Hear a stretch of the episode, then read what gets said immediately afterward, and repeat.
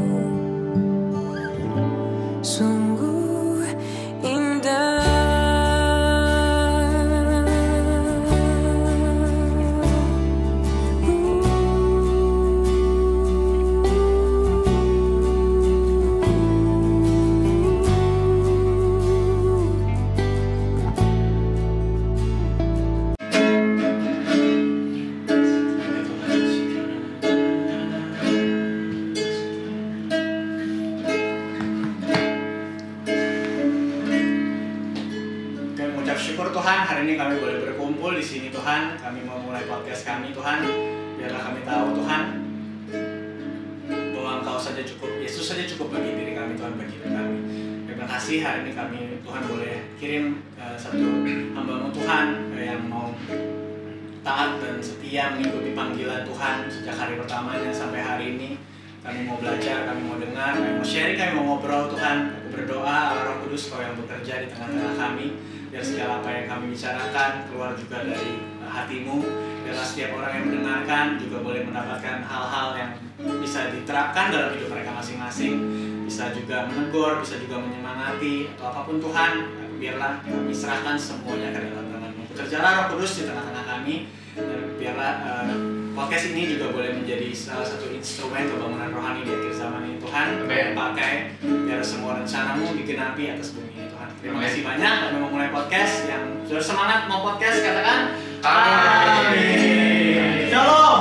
Shalom. Kembali lagi bersama saya Dani Pangaribuan. Rio Mote David Patinaya Samuel. Ya, bersama lagi dengan podcast. kembali pulang. Eh teman-teman, hari ini kita punya hamba Tuhan yang luar biasa nih. Wih, kita dipakai- kedatangan. Kedatangan. Kedatangan luar biasa. Dia mau datang sama kita nih. Iya. siapa ya Siapa? Pastor Yeri Pagi Nasari. Oke bang. Siap. kita sebelumnya introduce dulu podcast Iya. kita apa? Podcast kita tuh kembali pulang kita tuh orang-orang yang dulu hilang terus kembali kembali pulang. Eh, kembali pulang tuh konsepnya banyak sih. Kita kembali ke rumah kembali ke hadapan bapak. Tapi kita tuh mengalami kita semua tuh sebenarnya mengalami itu semua. Kita ternyata baik-baik saja ketika kita dipaksa pulang sama Tuhan. Ternyata setelah itu kita dipaksa sama Tuhan kita jadi anak Tuhan untuk memaksa semua orang kembali ke Tuhan kita bersedia nih karena kita produk kasih karunia Ya. Yes. gitu bang. Nah eh, podcast kembali pulang itu punya sembolan semboyan logo atau? Punya tem eh, punya sebenarnya punya eh, seperti logo sih. Bukan logo punya haluan. Eh, kita tuh punya tagline real low real life dan real love. Oke. jadi haluan besarnya adalah ketika kita ngobrol dengan berbagai narasumber acuannya adalah real low itu berbicara tentang apa? Low itu berbicara tentang se- seberapa dalam hidup kita pernah terpuruk. Lalu real life itu berbicara tentang uh, kehidupan kita yang sebentul sebenarnya itu seperti apa. Jadi tanpa banyak make up ya apa adanya kita. Dan real life itu kita bukan cuma pengen bercerita tentang kejatuhan kita sama sekali bukan pengen cerita tentang uh, tentang apa namanya old time glories. Kita nggak lagi sedang membicarakan kejatuhan Kejayaan- kita kejayaan. kejayaan masa lalu apalagi kejatuhan kita yang kita banggakan tapi dari cerita hidup kita terakhirnya kita pengen uh, berbicara bagaimana Tuhan mengangkat hidup kita dari keterpurukan kita yang paling dalam. Seradikal itu Tuhan mengubahkan hidup kita dari masa lalu yang demikian dalam. Hmm. ketika Tuhan hadir Tuhan membawa hidup kita kembali ke Tuhan bahkan seperti tadi obrolan Kayeri Tuhan menawarkan destiny untuk kita jalankan destiny selanjutnya kayak penerimaan kasih bapak ya kayak Iya, kira-kira hari ini mungkin kita akan membahas tentang penerimaan, acceptance dan juga Iya. kasih Bapak seperti Gitu sih. Kak Yeri boleh kenalan dong, kenalan sama kita sama cerita-cerita tentang Kak Yeri Mungkin dulu. ada juga ya. Kan kan belum ada belum tentu semua orang tahu kan. Iya. Oke, thank you nih dikasih kesempatan. Jadi nama Yeri Yeri Patina Sarani. Ya, Kami tuh namanya. Cuma main bola ya. Iya. ya, cuma nggak bisa main bola. Mirip bola aja ya. Iya, jadi eh, aktivitas ya pelayanan iya, akti- ada aktivitas sosial juga iya. Oke. Udah married, punya anak satu. Terus eh, apa lagi ya? Ya ya eh, bersama-sama juga lah mengajak orang buat pulang. Oh. Iya. Terus yang on the way pulang jangan ragu. Ya jangan Iya. ragu deh. Oke, Hmm. Bang Eri kan nanti sambil berjalan aja kita tahu cerita tentang Gaya Eri. ya. Iya, iya. Nah, ada beberapa pertanyaan nih dari teman-teman kita sini, sama-sama kita semua sih. Siap, Nah, siap. Yang pertama mau nanya tuh namanya Dani, Bang Eri buat. Mau nanya nih bang, kan uh, dari banyak kita dengar-dengar dari ceritanya bang di di podcast di mana-mana. Nah, Betul, ya. terus timbul pertanyaan dalam hati gua kayak uh, pengen tahu nih sosok seorang ayah itu di mata so Yeri Patina Sari, Patina Patina Sarani. Hmm. Itu seperti apa sih sosok seorang ayah? Di mata Iya, jadi nih.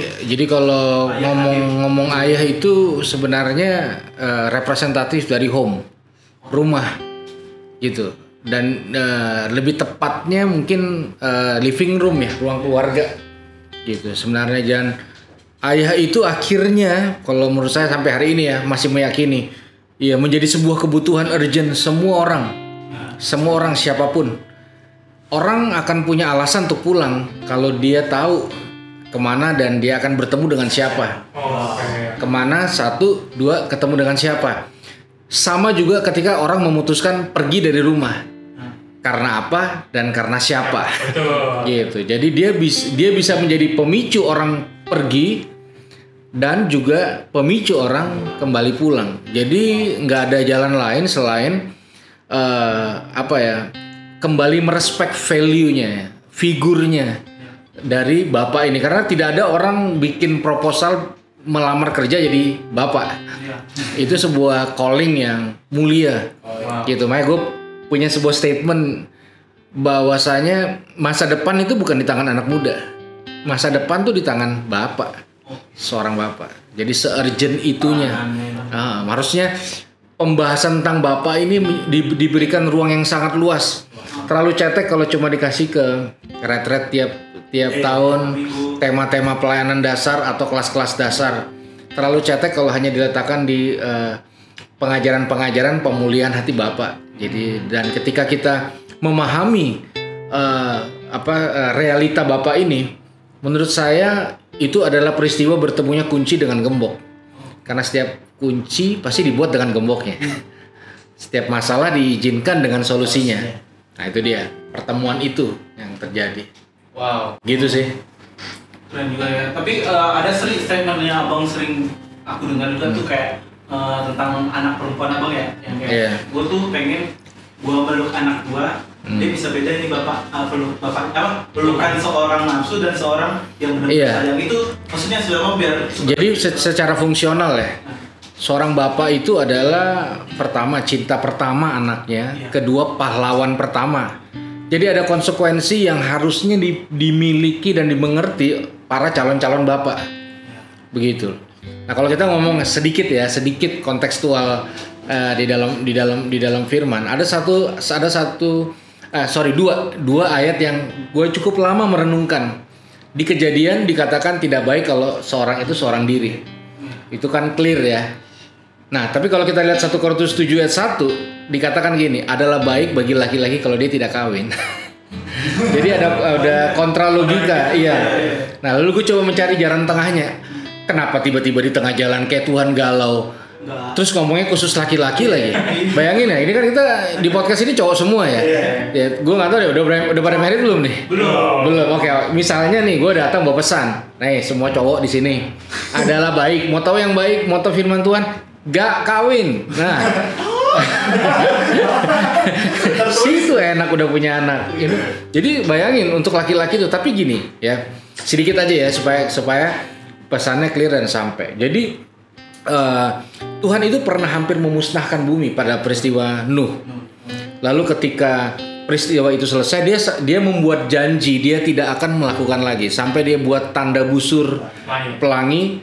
itu janjinya dia. Kalimatnya dia nggak akan musnahkan lagi. Tiba-tiba di akhir perjanjian lama ditutup dengan sebuah statement yang yang ya itu. Tapi ada kalimat atasnya biarlah hati bapak-bapak kembali pada anak anak kembali pada ba- bapak. Supaya jangan aku memukul bumi hingga musnah. Jadi gini Wow. yang bisa buat bumi ini musnah bukan covid-19 eh, apa eh, bom bom atom perang apa semua dan gitu semua. Nggak, yang buat bumi ini bisa musnah adalah ketika ada bapak nggak mau bertanggung jawab sama anaknya.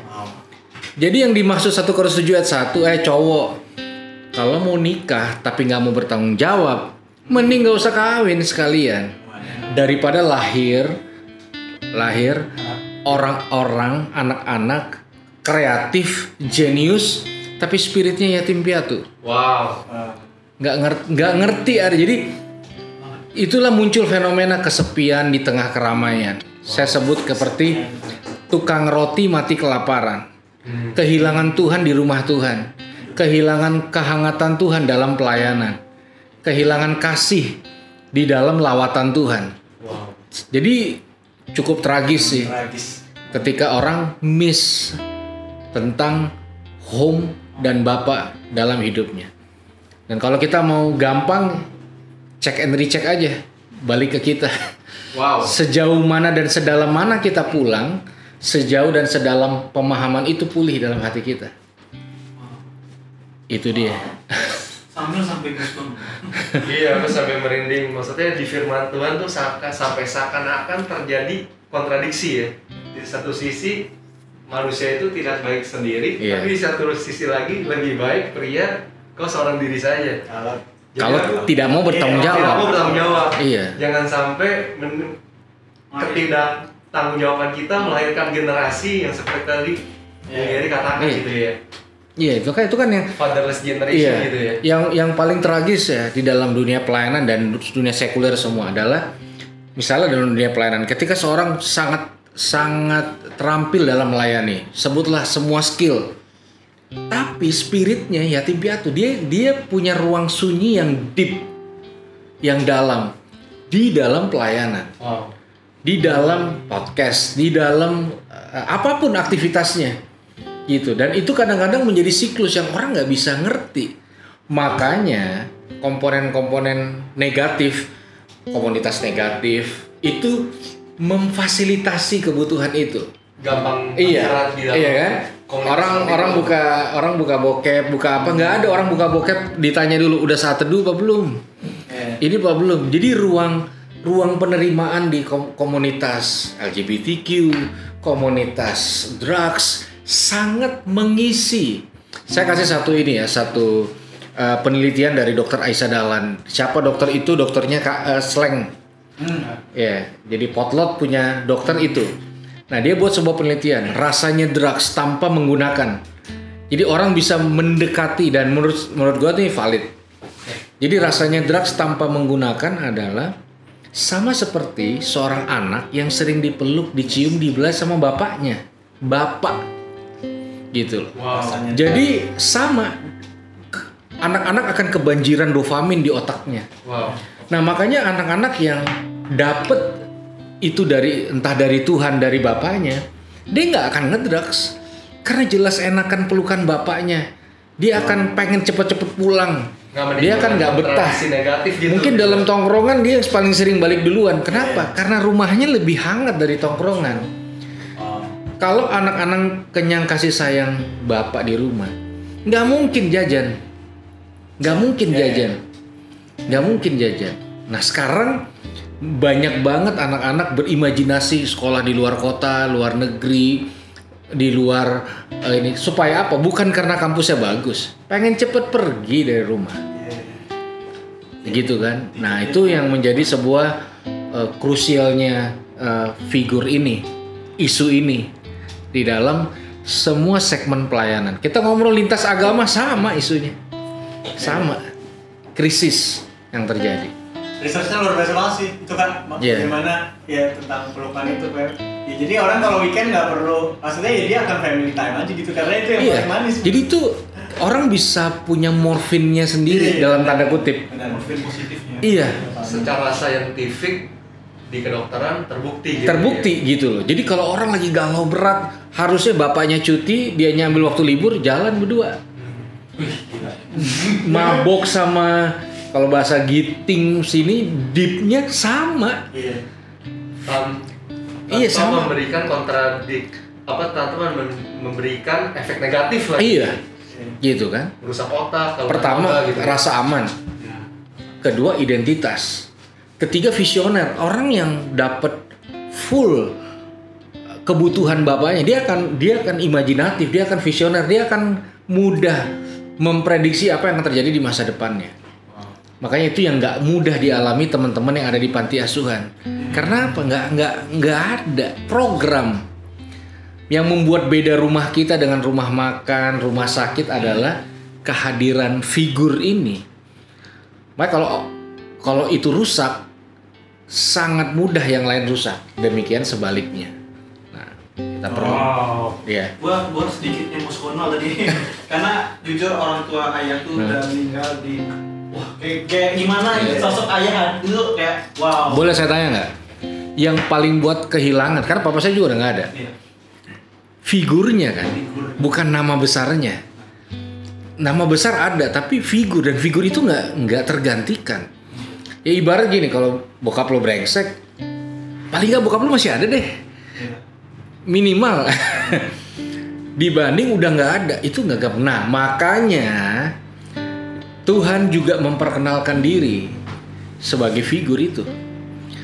Ada waktunya Tuhan nggak datang sebagai Tuhan yang perkasa yang wah dia datang sebagai pribadi yang mengasihi kita. Udah sesederhana itu.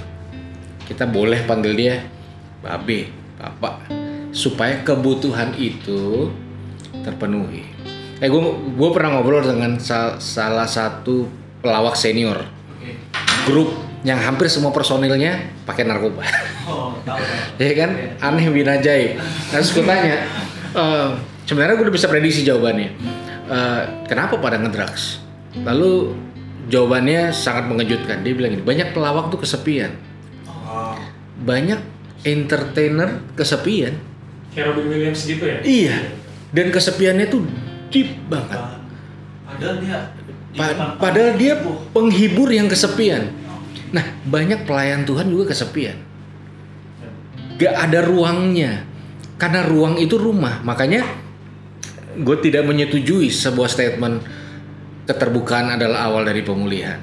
Yang gue setujui adalah penerimaan dan pengampunan itu awal dari pemulihan. Oke. Nggak apa-apa gue panjang sedikit ya. Misalnya orang mau pulang misalnya contoh ya dalam satu case sebutlah gereja. Entah itu ibadah umum atau youth. Misalnya dalam satu pelayanan ada yang hamil di luar nikah. HIV pakai narkoba. Gitu. Gay. Nah menurut kalian berempat pada umumnya mereka akan terbuka nggak di gereja bagaimana mau pulang terbuka aja nggak ada. I- itu itu sebuah krisis yang harus dipikirkan untuk orang-orang yang lagi membuat travel pulang. eh Apalagi podcast ini kembali pulang, ya. Iya, iya kan artinya ya mudah-mudahan ke- ketika orang nggak bisa terbuka di institusi, orang bisa terbuka di terobati, tertolong lewat podcast ini, Amin, amin. Gitu. Gokil, gokil, gokil, gokil. orang nggak bisa terbuka di institusi Iya kan? Se- Sekarang jujur ya orang terus kalau dia nggak bisa terbuka di gereja, dia mau terbuka di mana? salah curhat yang ada bang ya Iya, ke rumahnya, iya karena rumahnya nggak bisa cerita, harusnya dicerita ke gereja. Tapi ketika gereja tidak memfasilitasi kebutuhan itu, artinya pintu pulang tertutup, pasti. Nah, Sedangkan yang di luar menerima dia apa adanya pintunya ya terbuka, yang nggak karu-karuan, Iya. 24 jam. you jam jam die Iya, nggak nggak ada hitung-hitungan sama sekali. Nah, ya itu makanya eh, waktu gue ngeliat podcast ini punya potensi besar untuk eh, mensupport. Jadi support sistem kebutuhan-kebutuhan itu di generasi. Gitu. wow Itu kita semua terbuka loh. Ada sesuatu yang lucu nih. Kita punya dengan pertanyaan semua kejawab. Dan Tapi nggak apa-apa, gue gue punya pertanyaan sih bang. Kalau gue pribadi ini, gue punya, gue punya, eh, Concern. bukan konser, gue tuh punya kebiasaan, enggak, kurva gue bokap tuh naik turun. Hmm. Jadi tuh Dinamika. dinamika, dinamika, dinamika hidup gue sama bokap tuh, almarhum bokap tuh Iya. naik turun. Nah, pertama tuh gue dulu sangat nggak tahu ya mungkin Gue waktu kecil mungkin besar gue tuh uh, Iya. bukan nyokap beda agama. Hmm. Gue ada lihat gue ditekan juga untuk gue kan beda Kristen. Ditekan ditekan untuk melakukan untuk agama yang Hmm. lain karena bokap gue gue bawa nama keluarga Batak ya. Hmm. Gue tuh benci banget sama bokap sampai paling gue kan dulu sama anak-anak kecil paling seneng nonton bola kan. Dulu tuh MU lawan Arsenal, Iya. zaman-zaman tahun 98 2000 tuh yang Arsenal. Bokap tuh nggak suka Arsenal. Hmm. Eh gue gak suka Arsenal Iya. Saking gak suka, gue tuh MU banget Gue liat, tapi bokap ya. Kalau Arsenal main Gue tuh, jangan bokap suka Chelsea. Hmm. Arsenal main, gue bela-belain suka Arsenal Buat baca-baca tentang bokap. Iya. Segitunya gue, segitunya gue suka Iya. bokap. Sampai Gue apa ya, waktu itu gue pernah Ada satu posisi bokap kayak Inilah Kecewa sama gue, terus gue dibawa waktu itu ke Jambi waktu itu. Gue disuruh Bokap kamu daripada gak ada kerjaan di papa ke Jambi. Ke Jambi lah bawa papa dengan sumut-sumut di situ pertama kali gue duduk sebelah bokap di pesawat Hmm. Kali. pertama kali Hmm. karena gue selalu nggak menghindar. sama bokap Hmm. ngomong gini aja nih nggak mungkin bawa bokap dulu tiba-tiba di Jambi itu gue masuk ke hutan. Jadi papa tuh kan ya ada masalah dampak lingkungan sama studi kelayakan tiba-tiba gue masuk ke hutan jadi mau bukan layang lahan sawit bang gue dibuat sama sama orang-orang buat sekamar sama papa. Hmm. ada Rio kamu sama papa aja ya kamar. Oh ya udah gak apa-apa dong. Tapi gue sendiri gue ngapain ya sama bokap di kamar ngomong apa ya tiba-tiba di kamar itu gue ngeliat bokap gak pernah tidur. Gak bisa lagi tidur. Terlentang atau terkurut dia Hmm. tidur selalu duduk. Karena dia batuk. Hmm. di situ gue lihat lah bapak gue kayak gini. Nutupin nutupin segalanya lah dari gue di situ gue lihat ah bapak gue kayak gini. Akhirnya di besoknya tuh inget banget gue gue mulai coba mengerti bapak gue jadi papa itu punya sistem yang menurut gue dia menurut dia baik tapi menurut gue nggak bisa dilaksanakan di semua zaman jadi itu papa karena anak rantau dari SMP SMA rantau jadi di kantornya pun dia nggak dipanggil bapak nggak dipanggil dipanggil abang Hmm. jadi banyak orang yang habis keabangan papa bapak papa saya kayak yang nggak nggak aja ke bokap gue yang ya udahlah kasih duit karena ya dia butuh lah padahal belum tentu butuh kan Hmm. nah itu gue oh ternyata bapak gue segininya loh. Hmm. segini ya bapak gue nah mestinya di posisi itu kan gue lebih baik dong. Hmm. tiba-tiba dulu gue ngebaks nah lintingan gue jatuh sama bapak gue tau gak? diambil gue nggak tahu sih ini benar saya apa jangan sampai mama kamu tahu tak boleh gini lagi. Tapi gue tuh waktu itu nggak tahu gue dekat sama bokap sampai di posisi waktu itu gue ke SMA kuliah. Gue selalu pulang dengan bau ganja loh papa tuh udah siapin air panas. Mandi. Air panas buat gue mandi yang buat kerendam air. Biar gue gak ketahuan. Hmm. segitunya ngeliat bokap gue makanya gue punya waktu karena gue ngeliat kayak gitu waktu itu gue ngeliat mulai ini lah gue tahu lagi bapak gue berapa ke mana yang harus dia sampai dia waktu duitnya nggak pas dia lebih baik makan siang tuh gorengan supaya ada duit rumah. Gorengan tuh lima ribu. Kan gue juga nggak mungkin makan banyak dong kalau bapak gue cuma makan gorengan. Akhirnya gue makan gorengan enam ribu berdua. Saking gak ada duit waktu itu tuh Hmm. waktu panas kantor papa lagi parah. Di rumah gue udah bisa dia bagi. Ya, kamu besok kan ah, adik gue waktu es kuliah di Binus dengan posisi papa tuh lagi susah kamu besok ada ongkos ada dikasih ada bensin ada dikasih gue tahu dia makan cuma tiga ribu gorengan.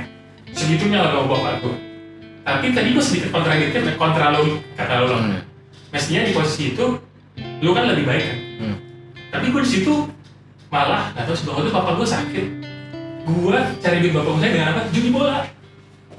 Kayak judi bola. Gue nggak tahu sih. Gue itu itu cerita gue sih bang. Terus eh, waktu papa meninggal adalah gue satu gue nih nggak pernah ngomong dia waktu papa sakit. Jadi ini terakhir nih biasanya dia sakit tuh ada momen-momen kalau orang udah udah mau dipanggil tuh dia ada momen-momen dia lupa segalanya kayak fase fase. Kayak fase fase dia mulai lupa lah kayak gue di mana ya? Gitu. Nah, itu papa nyambut nyambut info. Di situ ada satu pernyataan gue yang gue sesali sih. Gue ngomongin apa? Nggak tahu karena gue udah terlalu deket. Atau waktu itu gue kurang aja itu gue cuma gini pak papa kalau nggak mau sembuh papa mati. Oke. gue ngomong gitu ternyata papa ada gue udah meninggal. Di situlah gue ada brand nggak tahu sih itu dengar kayaknya adik gue Alex. Waktu gue berantem sama Alex Alex tuh pernah ngatain papa. Anjing lu gitu pernah ngatain papa. Alex balikin gue ah yang penting gue gak ngutuk bapak gue meninggal. Kayak gitu. Di situlah gue nggak tahu kenapa sih gue akhirnya nggak nih gue akhirnya ada papa waktu itu tuh punya di kantornya tuh ada sedikit banyak ada masalah lah pajak gue nggak tahu kenapa karena perkataan gue terakhir itu bang. Gue ngebenerin kayak pajak itu akhirnya gue suffer tuh. Gue pajak nggak bener akhirnya gue belain untuk belain itu karena gue uh, ya karena gue itu mau balas omongan terakhir itu. Akhirnya gue stres gue sakit gitu loh. Pikiran banget ya. pikiran banget. Akhirnya itu gue pikiran sih akhirnya kayak keperkataan gue terakhir. Nah di situ gue ngeliatnya ada kontra logika yang tadi lo bilang Mas, kalau lo dekat sama bapak bisa hidup lo lebih benar. Tapi waktu itu gue gak tahu sih hidup gue lebih benar atau enggak. Karena menurut gue tuh hidup gue salah banget. Saat itu judi banget gue lah judi ngebaks banget. Gue tahu sih bapak gue tuh bilang kamu gak boleh ngebaks boleh kayak gitu ya. Tapi gue masih melakukan makanya tadi gue apa kontra logika ya apa gue pengecualian sendiri atau gimana. Sebenarnya enggak, karena salah satu fungsi bapak yang banyak orang nggak sadar adalah memberi ruang kesalahan yang besar untuk anak-anaknya. Jadi kalau nggak mau ngasih ruang kesalahan yang besar untuk anak-anaknya, ya jangan jadi bapak, karena nggak mungkin. Nah yang kita perlu apa? Ruang kesalahan yang besar kan. Cuma kalau yang di hadapan kita bukan bapak, nggak akan jadi karya. Ya salah lu di-cut, potong. Jadi dia punya kemampuan menahannya. Apa nggak itu mengecewakan? Tapi dia tahu dia dia bisa lihat lu hari ini. Bahkan di hari-hari sebelum dia lewat. Meskipun dia silent, itu hatinya. Makanya bukan murahan. Nanti lu akan ngerti sepanjang lu punya anak. Oh iya ya, ternyata ini iya sebegitu kualitasnya. Karena kita butuh ruang salah. Di tengah-tengah pelayanan yang mengejar perfeksionis. Katakanlah excellent service tidak memberi ruang. Buka mata. Yang membangun pelayanan 10 tahun, satu kesalahan hilang. Hilang. Mulai dari nol. Jadi kayak orang tunggu waktu aja. Tapi itu nggak berlaku di rumah. Itu bukan aturan rumah. Yang tuh tau nggak yang buat beda rumah sama rumah makan, rumah sakit.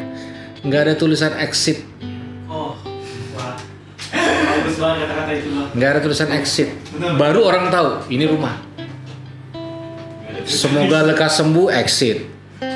Rumah makan lo kenyang, ya lo pulang, cabut. Rumah produksi lo lempar kreativitas lo, udah kelar, ya lo cabut, lo produktif.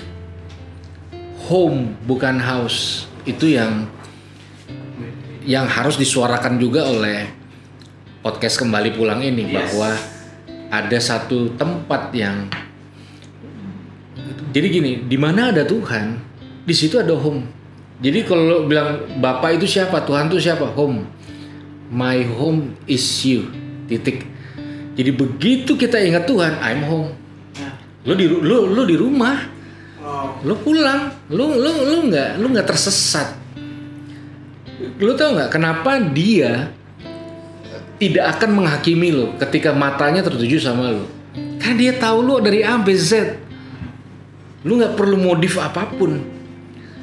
Jadi ada silent love, sangat. Oh, ya kan? Silent love kadang-kadang gini, pemberian dengan air mata. Lu maksa nge- ngebaks, dia nggak lawan lo. Tapi waktu dia kasih lo, itu pemberian dengan air mata. Karena dia tahu lo akan hilang.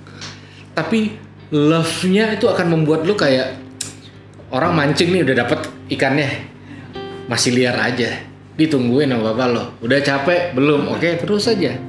Tapi mata pandangan hati nggak pernah lepas itu harusnya yang terbangun di spesifik ya kalau gue ngomong spesifik cowok-cowok anak-anak Tuhan jadi kehormatan menjadi seorang bapak one day itu yang gue buat sama anak gue begitu gue punya anak yang gue lakukan pertama setengah lebih pelayanan luar kota gue hilangin gue nggak mau pulang terus anak gue panggil om ngapain gue buat terobosan nama Tuhan dipermuliakan muka di instastory di mana-mana begitu gue pulang anak panggil om iya, iya. Nggak kenal udah. gitu. Jadi semangatnya adalah jadi orang hebat di mata anak-anak dulu. Baru jadi orang hebat di luar sana. Itulah nilai dan kehormatan uh, figur. Nah, orang tuh hanya bisa lihat Tuhan terbantu ya. Kalau ter- terbantu dengan figur yang di depan mata ini. Lo lihat deh. Lagu Indonesia lebih banyak respek ke ibu dibanding bapak. Lagu daerah juga gitu orang hilang makanya orang nggak bisa ngomong pulang kalau orang nggak menemukan bapak dan home ini yang sesungguhnya. Gitu. Lu bayangin nggak? Lu punya Tuhan yang punya hati untuk memberi ruang kesalahan yang besar. Gitu loh. Itu yang nggak bisa diterima si sulung. Kan dia nggak pernah ngerti. Dan si sulung berpikir dia bisa dia bisa mencintai bapak dan membenci adiknya di saat yang bersamaan. Itu dia tersesat di rumah. Kalau si bungsu tersesat di luar. Tersesat di luar yang si sulung tersesat di dalam rumah. Dan tidak ada indikasi si sulung diajak pesta. Li- Literasinya nggak ada. Karena mungkin bapak bilang kok bisa lu nggak nyambung sama gua satu rumah. Nah ini yang gue bilang banyak orang kehilangan heart ini di dalam pelayanan. Sekarang gini ya, one day lu punya anak semua. Anak lu taat 100%. Pagi, siang, sore. Semua yang lu minta dia lakuin. Taat. Tapi dia nggak bisa bilang I love you dad. Mau nggak? Enggak. Ah ya itu dia juga nggak mau. Kita bertaat-taat gila, tapi kita nggak, kita kehilangan. Nih ya, nih gue ngomong lebih dalam ya. Yang dibutuhkan generasi hari ini, gue berani mempertanggungjawabkan statement ini adalah hubungan emosional. Begitu tempat lo, rumah lo, memprovide hubungan emosional, ngumpul orang di situ. Orang nggak peduli lagi doktrin lo apa, siapa yang khotbah, artisnya siapa, bodoh amat. Begitu hubungan emosional itu klik dapet. Nah kita kalahnya di situ. Nah tapi figur bapak ini membuka ruang besar untuk orang punya hubungan emosional dengan Tuhan. Hubungan emosional dengan Tuhan sulit dijabarkan kalau tidak dari kacamata anak sama bapak. Baru klik tuh emosionalnya. Lu pasti emosional deh. Bohong nggak? Nggak mungkin nggak. Pasti deep, pasti pasti akan kayak ada ledakan di paradigma lo. Emosional pasti. Gitu loh. Karena karena itu memang yang yang dia bangun dalam eh, hubungan sama kita lah hubungan emosional. Itu yang sulit diterima orang dalam konsep Tritunggal apalagi pakai kacamata dia datang sebagai bapak. Gitu. Hilang ini hilang semuanya. Menjalankan tanpa ini definisi ulang mendingan mulai lagi dari nol tata lagi yang benar baru jalan. Karena Yesus tidak memulai aktivitas aktivitas ya pelayanan sebelum ada legalitas yang dia terima. You are my beloved son.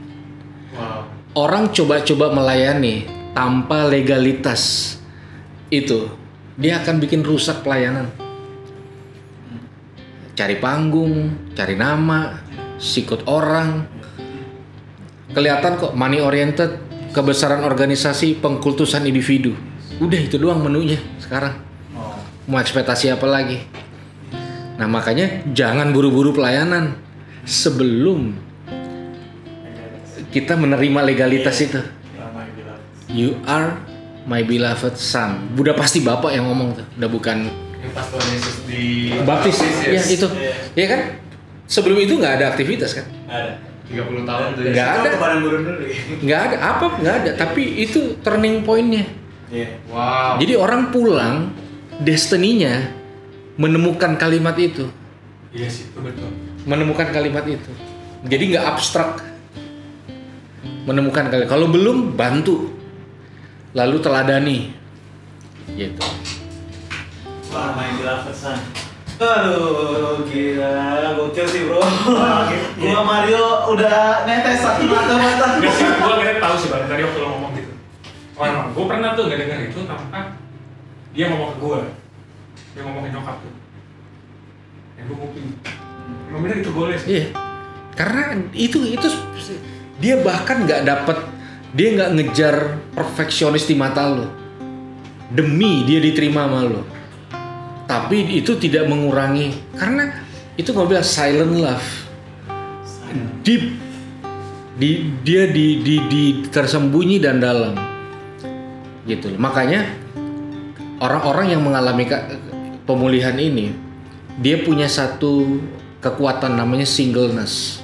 Singleness adalah kemampuan bertahan dalam semua fase kesendirian dalam hidup. Kalau orang nggak punya itu, kapan kita kalah? Kalau lagi sendiri. Dan perasaan sendiri kan kayak siklus. Iya. Bener gak? Nih, gue selek sama lo, jarak kita semeter. Orang selek, teriak kan?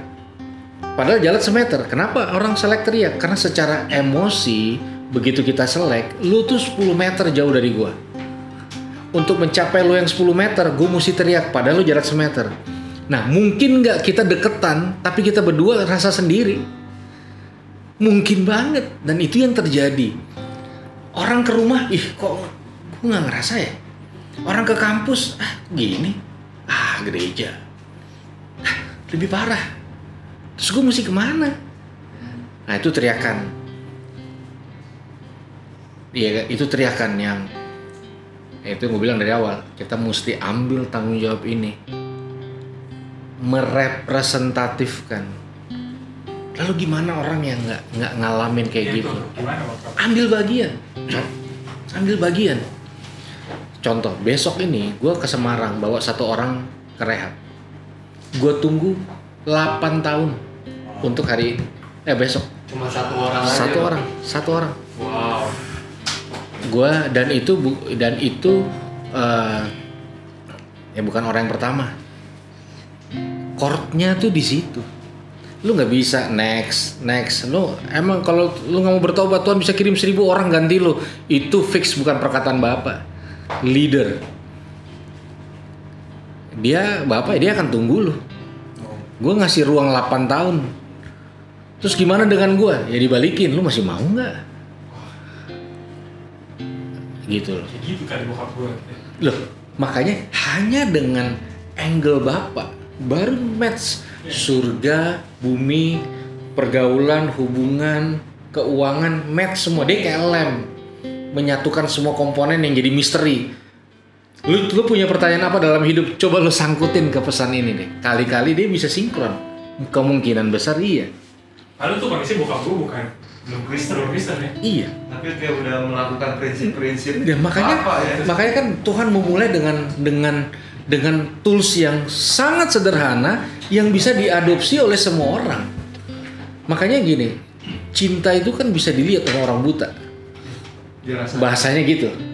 Didengar oleh orang tuli. tembus ke hati ya. Iya. Nah, makanya kalau kita lihat father itu kan menjur me- me- merumus ke source sumur sumber Wow. gitu jadi dia makanya ketika lu ngomong bapak ya dia udah pasti lintas agama lintas doktrin lintas semua gitu loh lintas karena chord chordnya adalah love Bang, nanya sorry. Tadi kan lo bilang tuh, pada akhirnya semua orang tuh merindukan kata-kata lo dicintai. Iya. Nah, lo dicintai. Iya. Tapi kalau ternyata dia nggak pakai kata-kata tapi menggunakan perilakunya gitu dengan cinta itu hal yang bang. iya kan kalau kita lihat kontekstual firman tadi makanya bilang cinta itu bisa lihat orang buta. ya? Iya. Jadi makanya gue bilang ada silent, ada orang yang nggak nunjukin. Ba- dan itu kan skill skill seorang bapak gimana dia menempa mengajar. Iya. Kadang-kadang barang siapa ku kasih, ya aku teguran ku hajar. Cuma gini, bedanya kalau lu dihajar sama bapak lu, yang hajar lu adalah orang yang punya kontribusi. Lu nggak bakal kecewa. Ya sih, gue pernah diajar bapak gue dan saat di situ dia nangis minta sama gue. Iya, karena itu orang yang ada sama lu dari lahir. Iya dong. Nah, sebenarnya kan kebutuhan disiplin sekarang orang disiplin tanpa fathering. Hancur. Yang nuais Cuma dituntut Iya. tapi nggak Nih, ini, ini, ini gue kasih kasus ya, dua kasus. Pertama orang ngerokok. Ya PA umum lah, lu jangan ngerokok lah. Meskipun gue dulu ngerokok. Terus dia bilang, tapi gini bang, dulu gue aktif di gereja pas gue jatuh hilang orang-orang cuma rokok yang setia dalam suka dan duka wah Wah, itu benar sih. Ada itu dalam banyak hal. iya lalu dia bilang gini rokok ini lebih setia dari lu bang maksudnya lu hubungin gue hari Rabu karena Kamis komsel kan Sabtu karena Minggu ibadah di luar itu di situ gue sadar bahwa gue cuma jago negur jago khotbah jago motivasi orang nggak butuh itu Ha, makanya chordnya tuh hadir. Siapa yang hadir, dia yang dapat. Kalau rokok lebih hadir dibanding lu, ya jel, nggak apa alasan dia ninggalin rokok? Itu. Terus kedua nih, Oh. gua nanganin orang yang mau aborsi, cewek. Jadi gue udah gua udah lempar semua cara untuk supaya dia nggak aborsi. Akhirnya, oke kak, itu masih SMP, bayangin aja. SMP. Usia Oh, kandungan, iya. Saya nggak akan aborsi dengan satu syarat. Langsung gue pegang tangannya, apa pun syaratnya lu janji. Iya. Lu tau gak dia bilang, kakak jadi bapak, bapaknya mau nggak? Kalau nggak jangan ngomong soal Yesus lah. Bener nggak dia ngomong? Bener. Makanya ketika kita melempar sebuah isu pulang, di baliknya ada sebuah pertanggungjawaban yang kita harus upgrade dalam diri kita. Buset, buset, buset, buset. Lu nggak bisa ngomong doang. Iya, iya. Jadi jangan sampai itu menjadi sebuah ekspektasi lalu orang masuk dalam rumah kaca bukan rumah di mana orang akan kebingungan. Gitu loh. Iya kan? Nah, kita kan sebenarnya gini. Lalu gimana dong? Lo sekarang gimana gini kalian yang sudah di rumah? Gimana memunculkan apa yang ada dari kalian menjadi sebuah tools yang mudah diikuti orang? Gitu. Lu bayangin gue nggak bisa jawab dan dia aborsi waktu itu. Dan akhirnya gue menemukan cari cara, cari cara, cari cara, cari cara, bangun portal, bangun portal dan yang nggak mudah butuh tahunan, butuh latih otot rohani tahunan, hati, ekspektasi, penerimaan, gitu untuk bisa merepresentatifkan itu kepada orang lain. Wow. Nih kayaknya sesi kali ini bukan cuma untuk orang lain ya, guys. Kayaknya ini untuk kita sendiri pribadi gitu. Emang bener ini kan buat kita aja sebenarnya awalnya. Jadi benar-benar bersyukurlah maksudnya nanti ketika pendengar podcast ini mendengarkan ini sebenarnya adalah jawaban untuk setiap kita yang ada di tempat ini sih terlebih dahulu sih pastinya Jawaban dan tanggung jawab, Sob. jawaban dan tanggung Iya. jawab. Wow. Jadi sebenarnya mendengar apa dengar uh, sharing Rio tadi uh, bagaimana uh, papanya memberikan ruang salah sebenarnya kan kayaknya juga pernah ngalamin Iya. waktu kalau nggak salah kayak papa juga datang waktu kayaknya dipanggil eh papanya dipanggil ke sekolah ya kayak Iya, terus sama lagi sakau ditemenin ke bandar iya, iya. ditemenin iya. ke bandar buat bener sih Kayak Iya benar. Jadi kan kayak misalnya gini, kan gue bisa ngomong gini karena gue ngalamin juga. Waktu jadi ada ada pemicu pertama tuh eh waktu retret dipulangin. Jadi gara-gara bandel dipulangin. retret Retret retret gereja. Wow, gerejanya sampai mulangin orang Sampai mulangin, bayangin Sampai aja. sampai nggak tahan ya kak. Ya kan retret tempat pemulihan. Habis itu satu kali overdosis dibuang sama temen-temen di got. Nah, teman-teman gaul, teman-teman make, bukan teman-teman gereja. Kan udah males main sama teman gereja waktu itu. Nah jadi itu kan kesimpulannya gereja nolak, orang dunia juga nolak. Eh, Nah terus gue coba bunuh diri lah, udah setting semua. Minum minum minum baygon, ketolong karena doa bokap nyokap. Gitu. Nah terus satu kali di masa karena dituduh maling kan, iya. gitu. Cerita itu kan jadi dipanggil lah. Datang bokap dengan teriakan maling di satu sekolah. Nah lalu ini dia memberikan warisan ini. Sebuah rangkulan hangat dengan kata-kata kamu bukan maling kamu anaknya papa angkat muka kamu jalan lagi. Kata itu lebih mujarab dari semua drugs yang pernah. Itu seperti kayak ada drugs lain yang Lebih Wow. kuat ya. ini yang gue cari selama ini kata-kata simple jadi makanya eh, kehadiran seorang ayah menjadi menjadi penentu banyak hal. Sama pentingnya dengan kehadiran Tuhan. Ketika bapak nggak bisa ada. Gitu. Nah jadi siapa pun jadi gini eh, orang-orang hebat pasti lahir dari ayah-ayah yang hebat. Dah gitu. Demikian